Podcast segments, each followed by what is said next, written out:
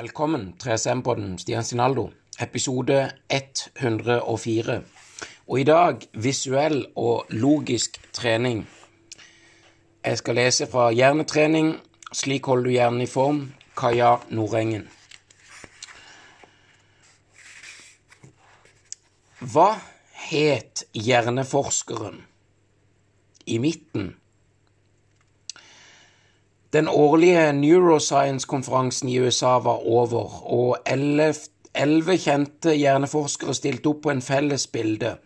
Sett fra fotografen så sto Nottenbom og Fledby i gruppa til høyre, mens Studoff og Makram sto i gruppa til venstre. Carson sto til høyre for Moser. O'Keefe og Makaram sto på hver sin side av Buck. Mellom Fladby og Buck var det seks hjerneforskere. Mellom Lømo og Loftus var det syv hjerneforskere. Og mellom Buch og Storm Mathisen var det to hjerneforskere. Og mellom Buch og Stutthoff var det to hjerneforskere. Så hva het hjerneforskeren i midten? Du finner fasit i denne oppgaven lenger bak i boka. Men litt mer om de ulike hjerneforskerne som jeg just leste opp. John Storm Mathisen, norsk lege og professor som avdekka det mest utbredte aktiverende signalstoffet i hjernen. Elisabeth Lofthus, amerikanske Lofthus, har kommet med viktige bidrag om naturen til falske minner. Tormor Fladby, han har kommet med viktige bidrag til hva som skjer i hjernen når den begynner å fungere dårligere. Han ønsker å finne og behandle de som vil utvikle demens, før de får symptomer fra sykdommen. May-Britt Moser, nobelprisvinner fra 2014 for sitt arbeid om hvordan hjernens navigasjonssystem fungerer. Thomas C. Sudhoff, tysk nobelprisvinner, fikk prisen i 2013 for sitt arbeid med signaloverføring mellom nerveceller. Terje Lømo han har beskrevet hvordan nervecellekontakter kan bli mer effektive av å bli brukt langtidspotensiering. John O'Keefe, amerikansk-britisk forsker og nobelprisvinner fra 2014 for sitt arbeid med hjernens navigasjonssystem. Fernando Nottenbom, argentineren som oppdaga det endelige beviset på at det dannes nye nerveceller òg i den voksne hjernen. Ben Carson, amerikansk hjernekirurg, som var den første som klarte å dele tvillinger som hadde vokst sammen i hjernen. Henry Markram, sørafrikaneren som har kommet med viktige bidrag til hva som skjer i hjernen vår når vi lærer spike timing dependent synaptic plasticity, eller STDSP. Linda B. Buck, amerikansk nobelprisvinner fra 2014. Hun fikk prisen for sitt arbeid om hvordan hjernen oppfatter lukt. Bror og søster. En gutt har fem søstre og en bror. Hvor mange brødre har den ene søsteren? Sittekombinasjoner. Rikke, Hans Jørgen og Ulrik skulle på kino. Hvor mange forskjellige måter kan de sitte ved ved siden av hverandre på? Hvem bor hvor?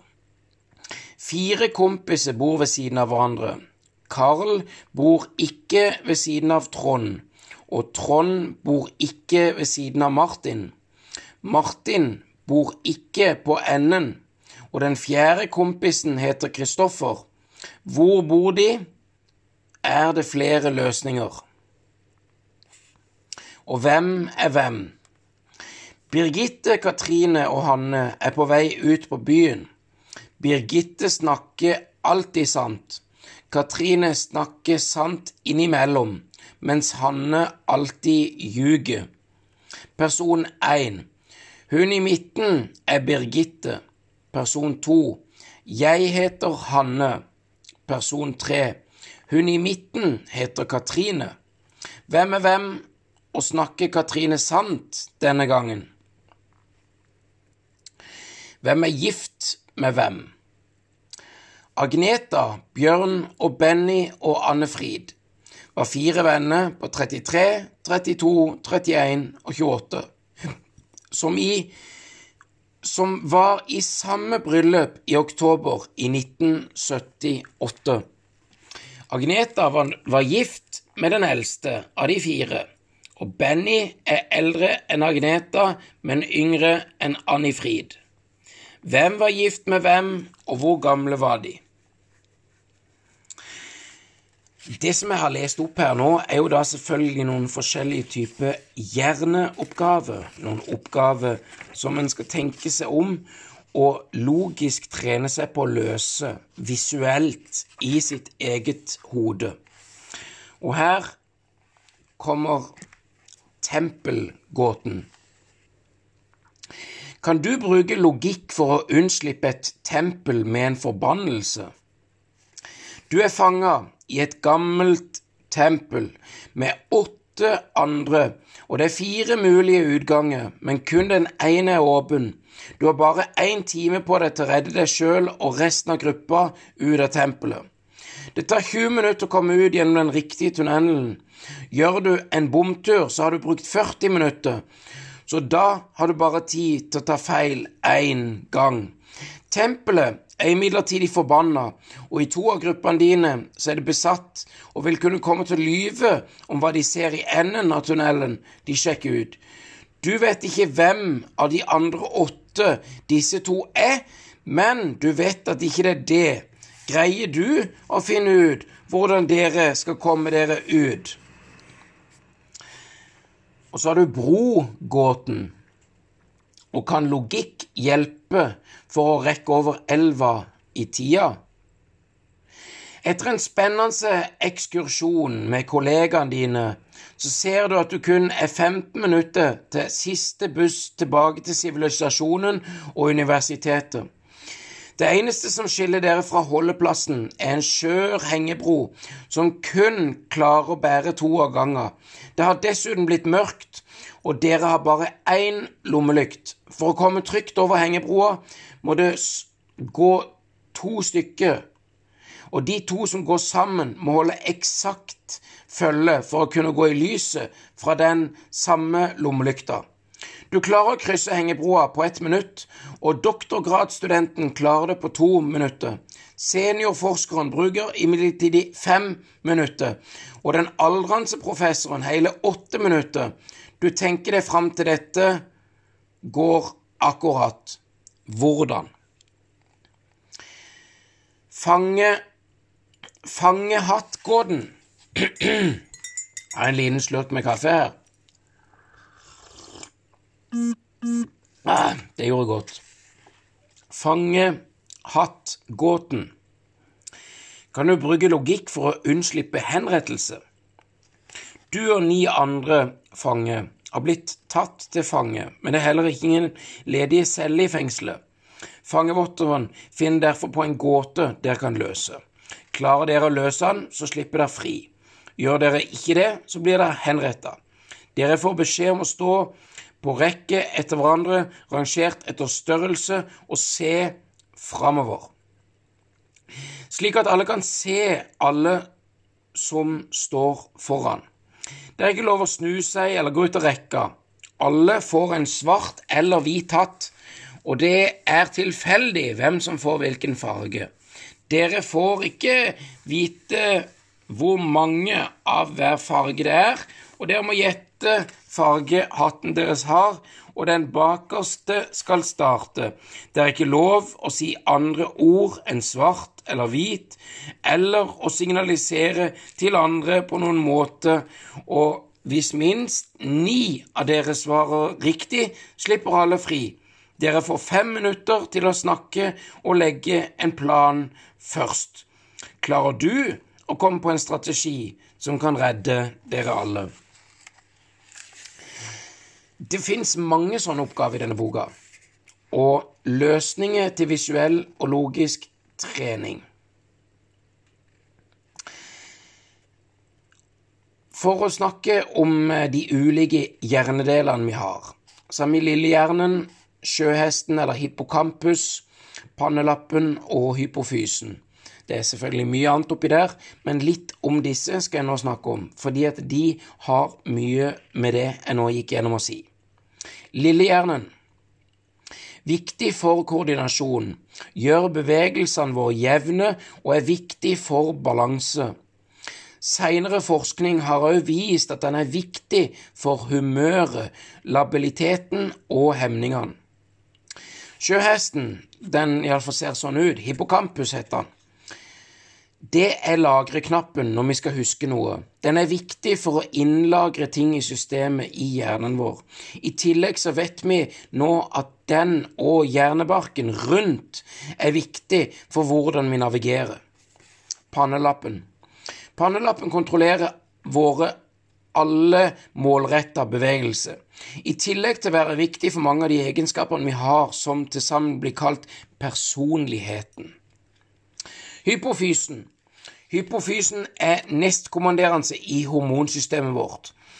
Den ser ut som to små stetikler, testikler som henger under hjernen, og frigjør hormoner som kontrollerer alle andre hormoner i kroppen.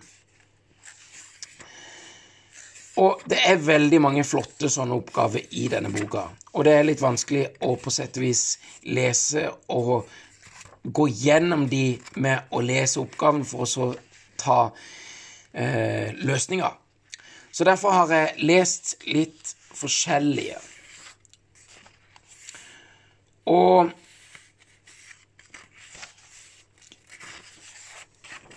det er jo ei bok om hjernen og om eh, forskning og om trening. Og jeg har hoppa forbi veldig mange kapitler fordi mange av disse her handler om tall.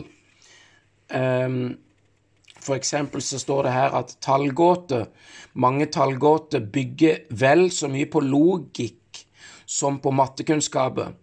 Matematiske ligninger vil for mange likevel være en måte systematisere logikken på.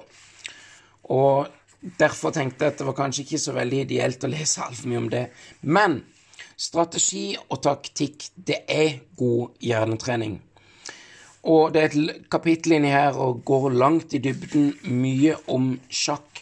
Og at sjakk er et fascinerende spill, mye fordi det kombinerer langsiktige, strategiske og kortsiktige taktiske motiver.